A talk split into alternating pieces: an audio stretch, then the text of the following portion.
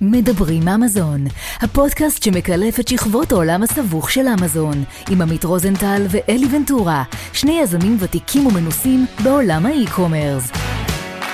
בואו נצא לדרך. ברוכים הבאים לפרק מספר 47 של הפודקאסט מדברים אמזון. אני אלי ונטורה, עמית רוזנטל כאן איתי. הפודקאסט שלנו בחסות רוזנטל לוגיסטיקה מלווה יזמים ועסקים בכל שלבי שרשרת האספקה ומציעה פתרונות שילוח מתקדמים בעולם ה e-commerce ואמזון בפרט. ואני מזכיר לכם שאת הפודקאסט שלנו אפשר לשמוע גם בספוטיפיי, גם בגוגל פודקאסט, גם באפל פודקאסט, וכמובן לראות אותנו בערוץ שלנו ביוטיוב. ואם אתם כבר שם, ביוטיוב, ספוטיפיי וגוגל, תנו לנו איזה לייק כזה מגניב, זה תמיד יעזור לנו לקדם דברים. היום יש לנו פרק מיוחד, לראשונה אחרי שנה, אנחנו פוגשים seller שפגשנו אותו בפרק מספר 2. עמית, קודם כל, מה קורה? מה המצב, אלי? אה, התעייפנו, התעייפנו מהלילות האלה, אבל... קודם כל, ספר לנו מה אמרנו לפני שעשיתי, לפני שלחצתי על הרקורד. מה, תן לי את הבשורה על, עולם השילוח קצת. אה, שאמרנו שהמחירים ירדו ב... אני, אני לא רוצה במספרים מדויקים, אבל משהו כמו 50 אחוז ממה שהם היו בדיוק לפני שנה שהיינו עם תומר בשיחה. אה, כל אחד מסתכל על זה בפרספקטיבה אחרת, אה, לסלרים כמובן זה מצוין, אה, וזהו, שיתקדם ככה, מה העתיד יבוא באמת קשה להעריך, אבל נכון לכרגע המחירים יורדים וירדו בצורה מאוד מאוד משמעותית. והיום, למה פרק מיוחד אלי? אז יש לנו חבר שהוא גם החבר שלי קרוב וגם חבר שלך קרוב, אירחנו אותו בפרק 2 עברה שנה ושבוע, נכון? או כמעט שנה, עבר שנה בול, שנה. שנה בול לדעתי. שנה בול, ועכשיו אנחנו מארחים אותו שוב, תומר דוד מ Sourcing Monster. אה, אני לא אגיד מה הסיפור, אבל תומר יחשוף את הסיפור, למה הוא בא לפה פעם שנייה. סיפור מעניין זה בטוח, אה, ייתן הרבה השראה להרבה מאוד seller ים, אני גם בטוח. אז אה, תומר דוד, my friend, מה קורה אח שלי? בסדר, בסדר גמור. אה, והייתי בטוח שזה הרבה יותר משנה, לא, לא זכרתי שזה היה בדיוק לפני שנה. בול, לא זוכר טוב. בדיוק מה דיברנו, אבל אני יודע שהרבה אנשים פנו אליי ודיברו איתי מאז הפודקאסט הזה, ו-46 זה פרק 47 אם אני לא טועה, אז עבר, עבר, עברתם הרבה דרך, בטוח נכון. שלמדתם הרבה, הכרתם אנשים מטורפים, וזהו, באתי היום, ב- לא זוכר אם דיברתי על זה פעם שעברה שהתארחתי אצלכם אם אני רוצה למכור את העסק, אבל מכרתי את ה main brand שלי, את ה brand הראשי, אה, ואתה יודע, נספר לכם איך זה היה, מה למדתי, מה אני הולך לעשות בעתיד. קודם כל, אני חייב לשאול שאלה, אני חייב לשאול שאלה קטנה, וזה גם דיברנו על זה אלי עם ניב שסיפר לנו שהוא מכר, בפרק 40 ומשהו. אה, לפני הכל, תומר, חתמת על חוזה עם הקונה, מה התחושה הראשונית כאילו? ברגע שחתמנו על החוזה כבר. שאתה יודע שמגיע לך כסף, עשית משהו, אתה הולך לסוף, אתה... השגת את כן. ההישגים שלך, מה התחושה הראשונית כאילו שאתה מרגיש באותו רגע? אז אני אגיד לך את האמת, כל ה... אני בערך, זה התחיל התהליך לפני שנה וחצי, משהו שהתחיל דווקא עם אלי, כל התהליך של למכור את העסק, עם אה, איזה ניסיון חדשני שהוא ניסה לעשות עם חברה גדולה, לא בדיוק הלך, אבל זה כן פתח אותי לתודעה של כן, צריך למכור את העסק, בייחוד בתחום שכל הביצים שלך בסל אחד, גם אם העסק הוא מאוד מוצלח, אתה לא באמת רואה את הפירות תוך כדי, אתה הכל על הנייר והכל נחמד ויפה ואתה מרוויח טוב, אבל זה לא באמת אתה רואה את הפירות, זה עסק שהוא מאוד שואב ומאוד לחוץ, וזה הכניס אותי להבנה שאני רוצה למכור את העסק כדי להמשיך באותה דרך, אבל אה, אה, עם סוג של יותר ביטחון, עם סוג של יותר כסף מאחוריי. אז כן, אלי פתח אותי לזה, אבל מאז עברתי תהליך של להכין את העסק בצורה אחרת. נכנסתי גם לאלוהי עם חברה. בוא נדבר, בוא, בוא נחזור רגע, בוא, בוא ניקח צעד אחורה. בוא נדבר רגע על התהליך, מהרגע שהחלטת שאתה רוצה למכור את העסק, האם עשית את זה לבד, האם עבדת עם איזה ברוקרים למיניהם, או investment banking,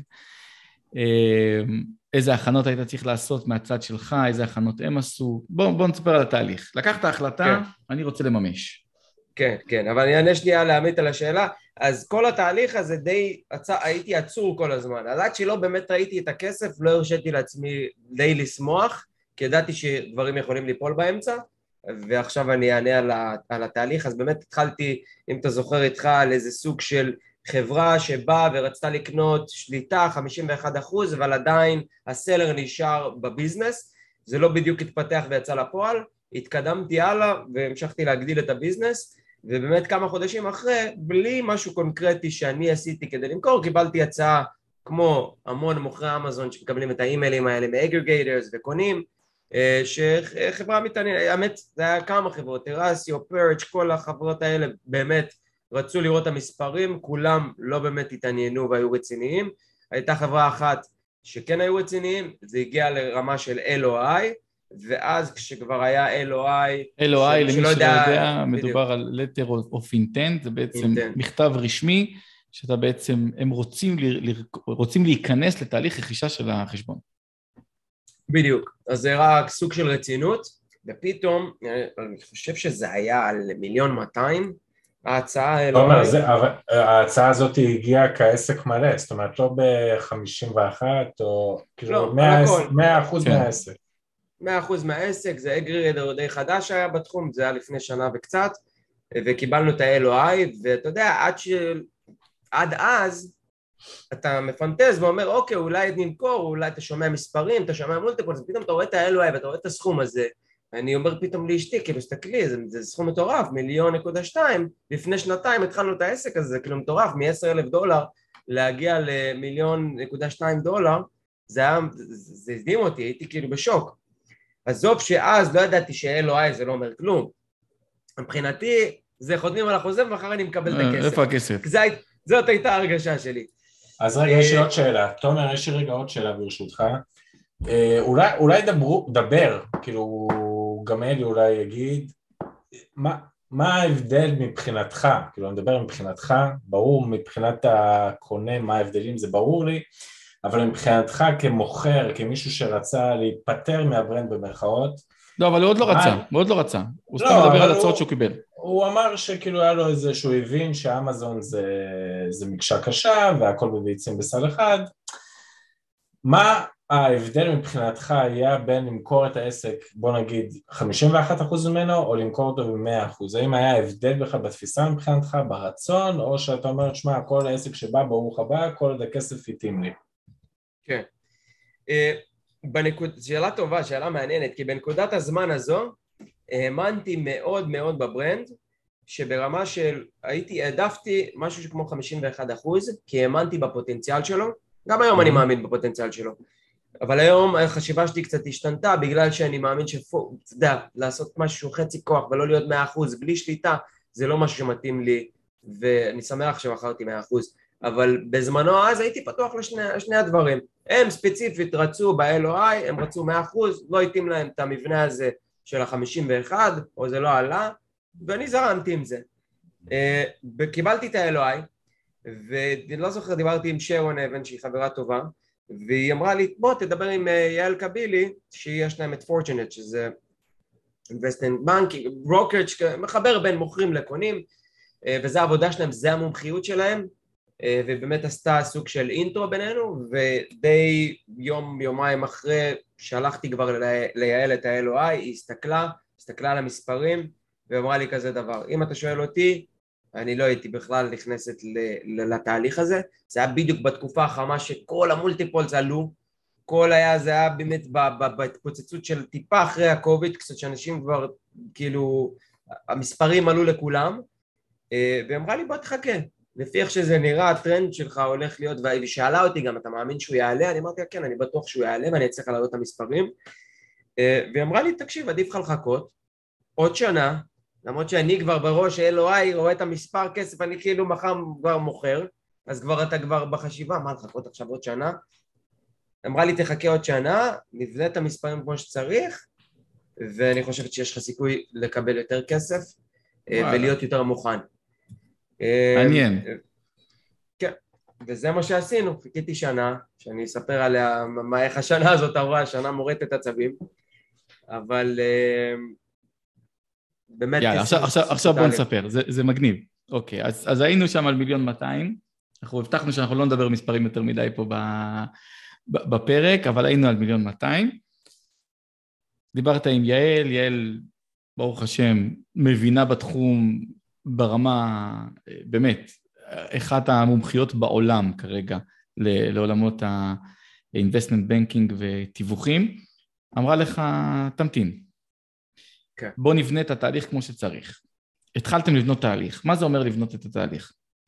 כן, אז באמת הגענו להחלטה שבאמת חכו את השנה וחתמנו על הסכם ביני לבין פורצ'נט שהם מייצגים אותי אמ, והתהליך התחיל בזה שהתחלנו עבודה מאוד סיזיפית של לנקות את המספרים, לעבור עליהם, כי יש אה, מושג שנקרא SD שזה בעצם מה שאתה מרוויח פחות ההוצאות של לאו דווקא ה-net profit אבל גם הוצאות של ה-owner והוצאות שהן חד פעמיות והוצאות שלא באמת קשורות לתפעול הבסיסי של העסק שלאו דווקא הן נחשבות בטקס ריטון, כאילו בהחזר מס, איך שעושים את סוף שנה, את הניהול מס.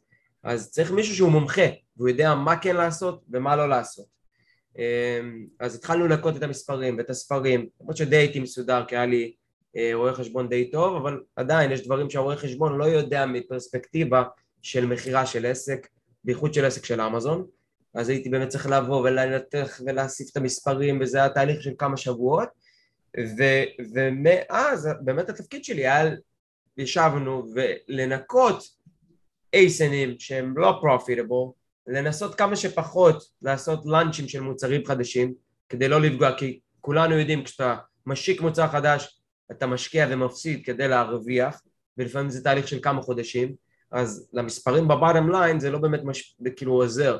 אז באמת הגענו להבנה שבאמת לא לעשות מוצרים חדשים עזוב שלא עמדתי בזה והפיתוי שלי היה כן להוסיף עוד כמה וכמה מוצרים אבל, אבל קודם כל אה, גם, גם זה לא מובן מאליו שאתה כי כאילו אני, אני יכול באמת להסתכל על עשרה סלרים שאני מכיר היום ב, ב, בשלוף ושמונה מהם ברגע שהם כבר יראו את ה-LOI של המיליון 200 יגידו יאללה לא משנה עזוב לא בא לי עכשיו להתחיל תהליך והכל ללכת על המיליון 200 מיליון יאללה בוא נעשה את זה מי יודע מה יהיה מחר אתה בחרת להקשיב לקחת את זה לקטע של בוא, בוא נעשה את זה כמו שצריך בוא לבנות יש איזו סיבה שלקחת את ההחלטה הזאתי?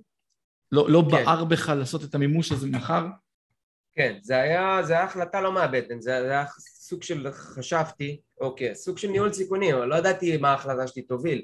גם יעל אמרה לי, תקשיב, היה גם הרבה שאמרתי להם, יעצתי להם לחכות, וקרה שהם היו בירידה, ואתה יודע בוודאות אלי שעסק שהוא בירידה, כמעט בלתי אפשרי למכור אותו, או שפשוט שוחטים אותך. אז, אז כמו, אתה מכיר את הניסוי הזה של ששמים ילדים אה, בחדר עם קרמבו? אתה מכיר את זה? עשו את זה מלא. אומרים להם, זה עכשיו, יש פה קרמבו ומיץ, אל תיגעו בזה. אם לא תיגעו בזה במשך עשר דקות, אתם תקבלו שני קרמבואים וכוס יותר גדולה של מיץ. ואז ראו מה כן. עושה הילד, אתה רואה ילדים מסתובבים, מתחבטים, כן. זה בדיוק זה. שמנו אותך נכון. עם קרמבו על השולחן ואמרו לך, אל תיגע, תמתין, עוד שנה יהיה לך שני קרמבואים. כן, זה, זה לא בדיוק כזה, כי בעצם ברגע שהחלטת, אז זה די ירד מהפרק. זה כבר נפל העסקה, וכבר אתה די כאילו מנותק, זה לא שאתה רואה את הקרמבו הזה מול העיניים שלך תמיד, כן, ה... זה יושב לך בראש אולי, למה לא לקחתי את הקרמבו אולי. כן. זה טיפה שונה, אבל כן, ברגע שהגעתי להחלטה אז כבר זרמתי איתה. אבל זה היה קשה, כי הייתי צריך לעשות ניהול סיכונים, להגיד לעצמי, אוקיי, מה יכול לקרות אם זה ירד? אז עשיתי כל מיני חישובים וגם הרגשה האם מיציתי את הפוטנציאל של המוצרים הקיימים, האם הם יעלו עוד, וידעתי שה, שהמספרים שלי לא שיקפו בגלל שגם הרבה הייתי out of stock, אז הצלחתי להביא מימון יותר גדול, וגם הוספתי וריאציות ולמדתי דברים, והאמנתי שאני יכול להגדיל, באמת ובתמים האמנתי שאני יכול להגדיל אותו. אה, אבל שוב, זה עדיין היה סיכון, אתה לא יודע מה יהיה מחר, אתה לא יודע מה יקרה, אתה לא יודע אם יבוא מתחרה. אבל בסוף החלטתי ללכת עם, ה, עם הסיכון הזה, ו, ובסוף זה השתלם, למרות שזה היה...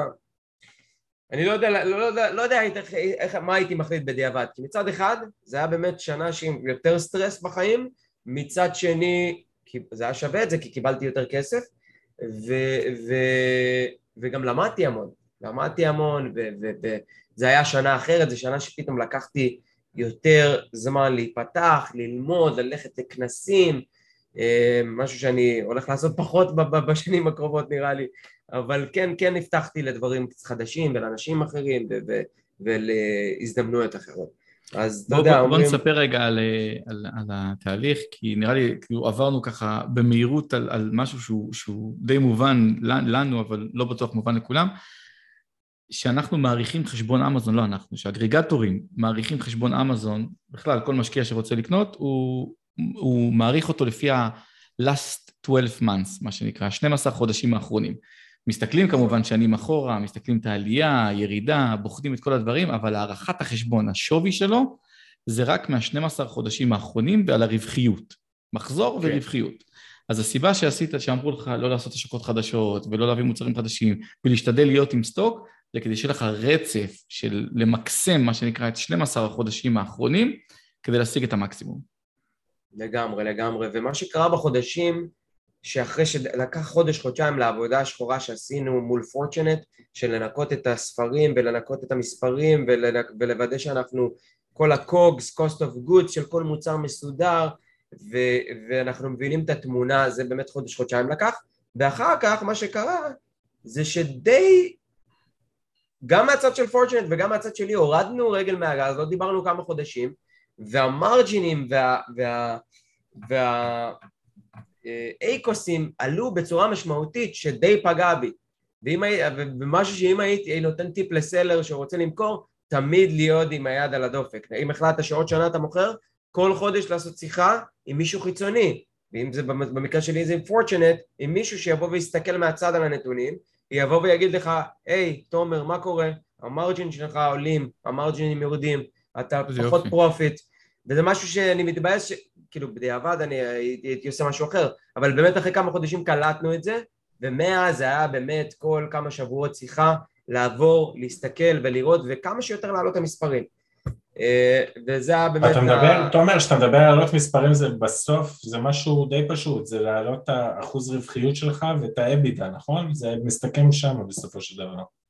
זה, זה, זה, זה לא כזה פשוט, כי אתה יודע, זה... לא, זה... אני לא אומר שזה פשוט לבצע את זה, אני רק אומר, אלה המספרים של כן. דבר. זה ה margin, כן. רווח per זה, וה EBITDA בסופו של דבר. בסופו של דבר, את ה profit, את ה profit שלך, זה, זה, זה מה שמעניין. אה, ו, וכמובן יש נתונים ספציפיים כמו margin ים וכאלה. אני, אני אה, רוצה לשאול שאלה רגע בקטע הזה, אה, וזו שאלה כללית ולאו דווקא ספציפית עליך, תומר. אני לפחות מה שאני יודע, המכפילים על האבידה, אני יכול להגיד בעולמות השילוח, בסדר? הם בין 10 ל-15 בגדול, בסדר? חברות שילוח. אני יודע שכאילו עסקים כמו שלכם, עסקי אמזון, מדובר, התחיל בשתיים, שלוש, היו כבר שמועות על שש, שבע. אני לא שואל אותך איזה, איזה מכפיל נתנו לך, אני שואל אתכם מה לדעתכם ריאלית מכפיל נכון היום לעסק אמזון אה, לקבל עליו, ולמה? תשמע, אני וואו, פחות בעניינים, אני, אין לי יותר ממני ידע לתת תשובה, חי את זה יותר, אבל אני אגיד שזה יורד, זה יורד, ואם שמענו לפני חצי שנה על סוג של עלייה וטרנדים ואנשים מדברים חמש ושש ואני שמעתי על שבע ושמונה שאנשים קיבלו, לא הצעות, קיבלו אז אני לא יודע כמה זה נכון היום. אה, אני מאמין שבין שלוש לחמש זה, זה, מה, ש, זה מה שרץ היום. זה משהו מאוד סגניפיקנט, אתה יודע, ההבדל בין שש, שבע לשלוש הוא הבדל כן. עצום, כן. עצום, עצום, עצום בכסף. כן, האגרגטורים, האגרגטורס חטפו uh, כמה מכות בחצי שנה האחרונה. אם שמעתם לפני, שבוע שעבר שמעתי על Thrasio שהם uh, התחילו לפטר עובדים, החליפו מנכ"ל, עושים ייעולים, היה נכון. את, אה, שכחתי את ה... אני חושב אה, עוד brand שהוא גם, הוא שהוא פושט רגל, שהוא consolidate, ה aggregator ים הגדולים אוכלים את הקטנים, אז, אז, אז המודל הזה הוא, הוא, הוא, הוא לא לכולם עובד, וכמו בכל business, עשר עסקים יתחילו, לא כולם יישארו, זה די סטטיסטית, וגם פה זה תופס. אז, אז יכול הבינו... כן, דבר תומר, סליחה. אז הם, אז הם הבינו שבעצם זה לא כזה פשוט, ולשלם את המכפילים שהתחילו לעלות בגלל שלא היה מספיק עסקים שרוצים למכור, והיה יותר מדי דימ, כאילו דרישה מהאגרדרס, ואז mm-hmm. המכפילים עלו, זה לא משהו שהם יכולים להמשיך לעשות, ומן הסתם זה, זה התחיל לרדת המספרים, המכפילים.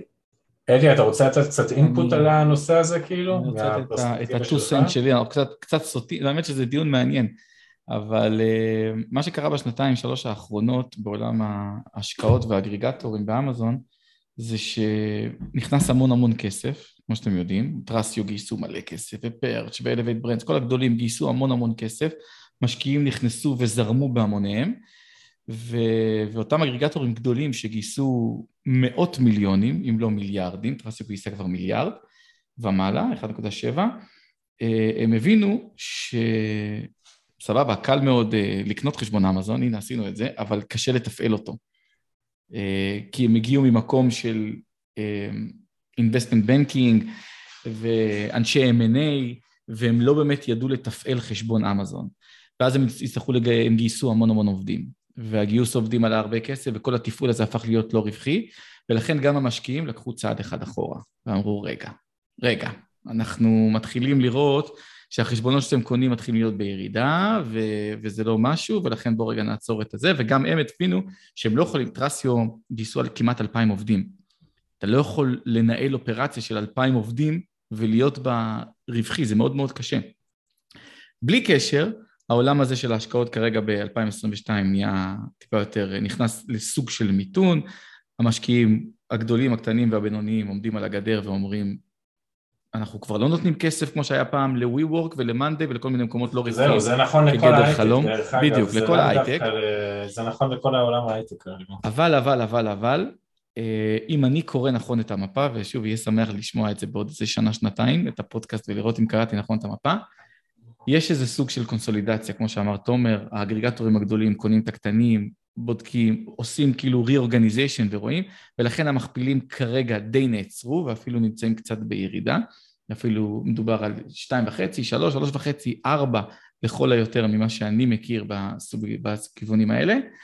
אחרי שהשוק הזה יתייצב והמשקיעים יבינו שאגריגטור זה למעשה עסק רווחי, כי תחשוב שאנחנו קונים חשבון אמזון היום, החשבון מחר כבר מרוויח מיליון דולר בשנה, אם נעשה את הפעולות כמו שצריך, כמו שאנחנו אנשי אמזון יודעים לעשות אותו, מחרתיים הוא יכול גם להרוויח מיליון וחצי, כי אתה צריך להשקיע בכסף. לא תעשו, אבל הנה, אתה, אתה מדבר על כאלה שלא עושים, ואז מה קורה שם? יפה, אבל אנחנו, הרי מי מקשיב לפודקאסט הזה? סלרים. סלרים באמזון, יש כאלה שמוכרים ב-100 אלף דולר בשנה, ויש כאלה שמוכרים ב-4 מיליון דולר בשנה. אז גם מי שמוכר ב-100 אלף דולר בשנה, רובם כבר מבינים דבר או שתיים, הם יודעים לנהל את ה-PPC.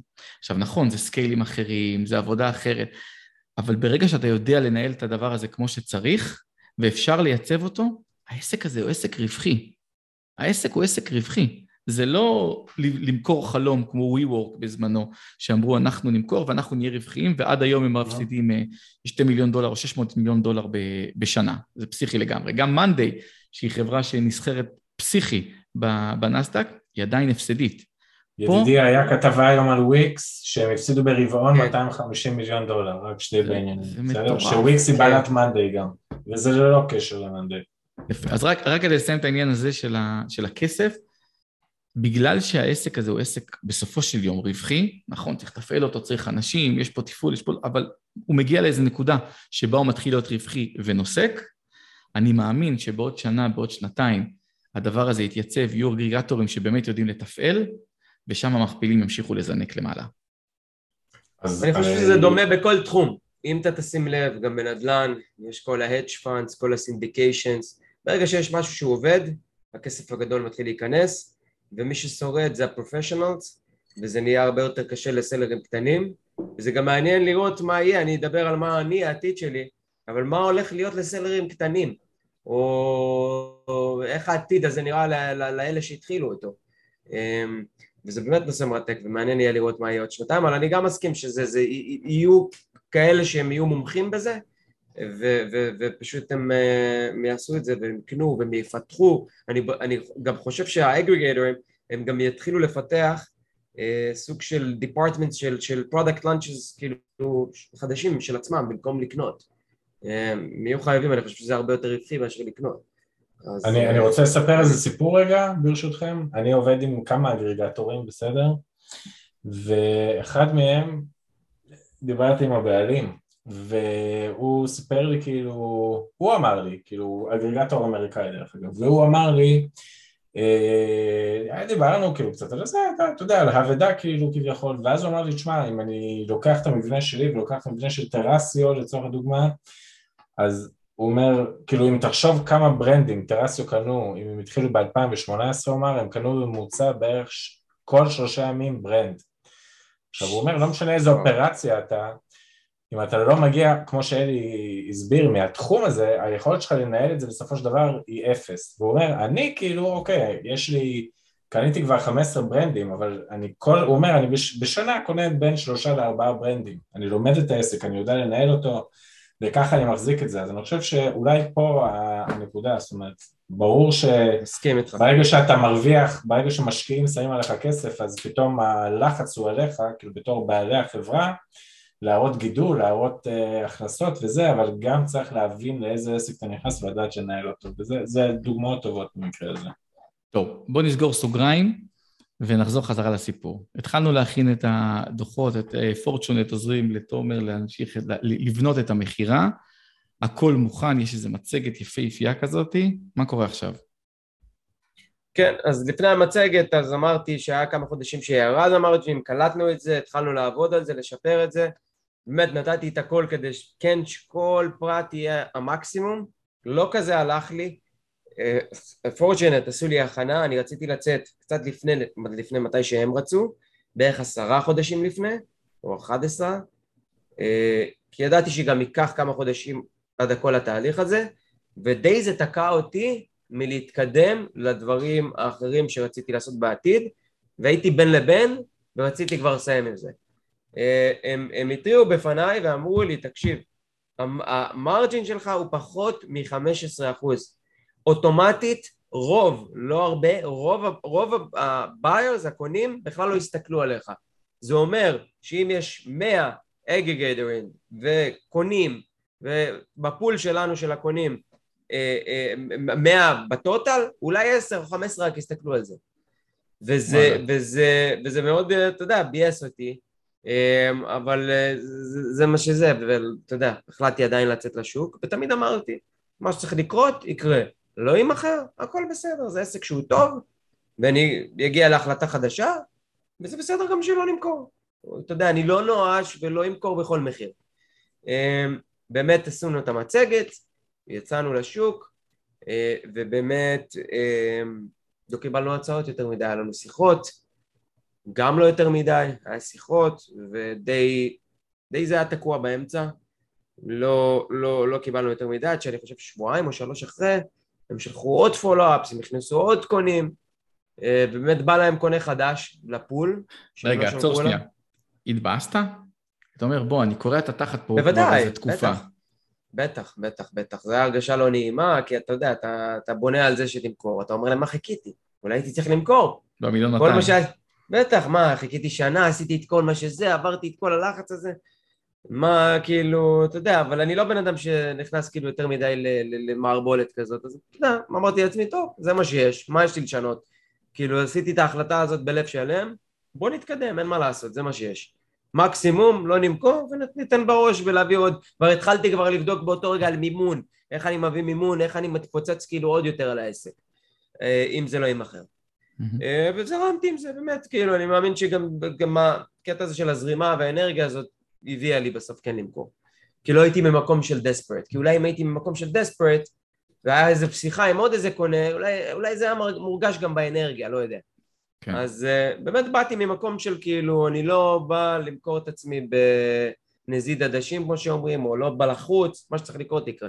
ואז באמת הגיעה איזו הצעה מאגרגיידר שהוא לא כזה חדש, אבל זו הייתה הצעה די זנותית, אה, שזו רק הצעה בשביל ההצעה, כדי לראות מה הכיוון, רצו לקבל איזה דיל אולי או משהו, כמובן זה לא היה על הפרק, ובאותו יום, אני זוכר זה היה יום שישי, וחברנו הטוב איתמר, כמו שאתה מכיר, שהוא אדיר הבן אדם הזה, באמת לא, לא נתקלתי באנשים כמוהו. אה, הוא ברוקר של פורצ'נט. הוא ברוקר בפורצ'נט, בן אדם באמת באמת מיוחד, ש... שמח שיצא לי להכיר אותו, ביום שישי בערב שלו, לילה, אומר לי, תומר, שולח לי בוואטסאפ, יש איזה משהו מעניין, לא רוצה להתלהב יותר מדי, אבל uh, זה ההצעה שהם שלחו, מכפיל מאוד יפה, עם אפשרות גם להרוויח בעתיד. ההצעה נראית מעולה כי הם לא יותר מדי דורשים פה יותר מדי דברים, הצעה מושלמת. עכשיו אתה יודע, אני אקבל את זה, זה נשמע לי too good to be true כזה, ממש בקטע כזה, כי מכלום הצעות להצעה שהיא מדהימה, אמ, אז הוא אומר לו יאללה, בטח, תתקדם, כאילו מה שצריך לעשות, אני חותם, חתמתי באותו רגע או יום אחר, באמת התקדמנו, שיחה עם הקונים, אמ, חבר'ה מדהימים דרך אגב, מקווה שבאמת הם, הם די חדשים, מקווה שילך להם שם, אמ, וזה זה, זה מבחינת מה שקרה אחרי המצגת. מדהים. כמה זמן היה התהליך של ה... מה קורה אחרי בעצם חתימה, חתימה ל-LOI? כן, כן, אז, אז, אז, אה, באמת חתמנו על ה-LOI, שני הצדדים, וכמובן היה לנו שיחה לפני, סליחה, סליחה, היה לנו שיחה אה, אה, לפני, ואז הוא שלח לי את ה-LOI, טעות שלי. הוא שלח, היה לנו שיחה עם הבן, ועוד שיחה אחת מבין רבות, לא בניתי על זה, ואז הוא שלח לי באמת תומר, הם רוצים להתקדם, הם אומרים גם שהם רוצים להתקדם כמה שיותר מהר, שלי זה מעולה, ובואו נחתום על זה, אז באמת יום שני חתמנו על זה, ואז התחילו סבב של שיחות על, הד... על ה... איך הולך להיות הדיו דיליג'נס, שזה mm-hmm. תהליך שלקח אני חושב שישה שבועות. הם אמרו okay. כן. שהם רוצים לעשות את זה מהר, אבל זה לקח זמן. זה היה תהליך מאוד מתיש, אבל מצד שני, הרבה אנשים הפחידו אותי, גם פורצ'נט, תקשיב, וזה פה, וזה שם, הם יכולים להיכנס לך לציציות, ו... אז כבר כל כך הייתי, אתה יודע, בראש מוכן לזה שזה הולך להיות כזה קשה, אז, ש... אז בפועל כאילו, זה היה ארוך, אבל זה לא היה לי יותר מדי, כאילו... לא, לא היה לי יותר מדי לחוץ או סטרספול לתהליך. באמת הם ביקשו את זה ואת זה, והבאתי להם, באמת הייתי סופר מהיר, ביקשו משהו, באותו רגע הם קיבלו. אמ, היה תהליך מאוד חלק, כל דבר שהם ביקשו הם קיבלו תשובה עליו והם הבינו אותו, לא היה יותר מדי תהליך כמו הרבה סיפורים ששמעתי של פתאום רואים משהו ואז הם מתחילים לזה ואז פתאום נגושיישן על המחיר שוב ואז פתאום אומרים לך טוב תביא את זה ותביא את זה. בגלל זה לא היה לי את זה שאני מאוד שמח שזה עבר בצורה חלקה כזאת כי שמעתי הרבה סיפורים מאנשים שבאמת זה מוציא להם את המיץ ה aggregators כאילו סוג של ניצלו את זה. זה היה aggregator מאוד פייר מאוד ג'נטלמנים באמת תהליך מדהים. מדהים. ב due diligence ואז אה, היה סוג של אה, צריך לסגור את הכל, באמת הכל עבר בשלום, קבענו תהליך של, אה, כבר אז נכנס העורך דין שלי לתמונה, להתחיל ל, ל, ל, לסכם את ה-purchase agreement, שזה בעצם המון המון המון דפים, שזה בין עורכי הדין, המון הסכמים, המון מעים, המון disclosures, אתה צריך לחשוף מה עשית, האם עשית black at things, האם עשית דברים שהם נגד ה-TOS, ממש הכל מה שעשית, האינטרס שלך הוא לבוא ולהגיד שלא יהיה להם הפתעות, ושאם תהיה הפתעה אתה תהיה מכוסה. נכון. תומר, מתי אתה מרגיש שזה כאילו קורה? אתה יודע להצביע על זה? אף פעם, עד שראיתי את הכסף, עד שראיתי את הכסף בבנק. זאת אומרת, גם אחרי ה-due diligence, גם אחרי שעברתם לעורך דין, עדיין... אני לא כזה, כן, אני לא נותן לעצמי לשמוח כדי אולי לא להתאכזב, אני שם סוג של בלוק כזה, בהרבה סיטואציות בחיים זה היה לי, אז, אז אה, קרה לי אולי בעבר סיטואציות שכן הרשיתי ואז כאילו התבאסתי, אז שמתי כן. סוג של מחסום כזה, לא הרשיתי לעצמי לשמוח, אמ, ובאמת, בדיוק אני זוכר שהיה לי אה, חופשה משפטית, משפטית, משפחתית, אה, טסנו... החופשה משפחתית הפכה להיות משפטית. כן, וטסנו לגרמניה ובדיוק היה פגישות עם העורכי דין ובאמת לא רציתי יותר מדי לשתף אף אחד עד שזה לא באמת סגור. ומהסקי איתם אומר לי בוא יש פגישה ואני יורד בהר עד למטה לחדר מדבר איתם פתאום פגישה. זו הסיטואציה מצחיקה כי הם רצו ממש לסגור מהר. הם רצו לתקתק שזה זה, זה היה לי מעולה כאילו האינטרס שלי היה כמה שיותר מהר לסגור גם כן. האינטרס שלהם אז באמת עשיתי מה שאני יכול הייתי בחופשה אם צריך היה לרדת לזום ירדנו היה, היה רגע די מלחיץ בחופשה הזאת שפתאום הם אמרו אוקיי על זה אנחנו כאילו הם נעמדו על איזה סעיף שהוא די משמעותי היה ב... על הרגליים האחוריות כמו שאומרים ולמרות שזה משהו שהעורך דין שלי אמר לי לא לעשות די, די זרמתי עם זה ו, וכן הלכתי איתם כי הם באמת לא, לא, לא סטו ולא לא ביקשו ממני שום דבר בכל התהליך. הם היו ג'נטלמנים, אז החלטתי גם להיות איתם ג'נטלמן בנושא הזה, למרות שזה קצת ריסק בשבילי היה, אבל uh, בסוף הכל הסתדר לטובה והגענו אחרי כמה ימים, חתמנו על החוזה, ואז התחיל התהליך של להעביר את החשבון, והם לא זזים. יום, יומיים, שלוש, הם לא, לא רוצים להעביר את החשבון, כאילו, מה קורה אנחנו אומרים להם? ואז כבר אני אומר, כאילו, משהו מתחיל פה להריח לי לא טוב.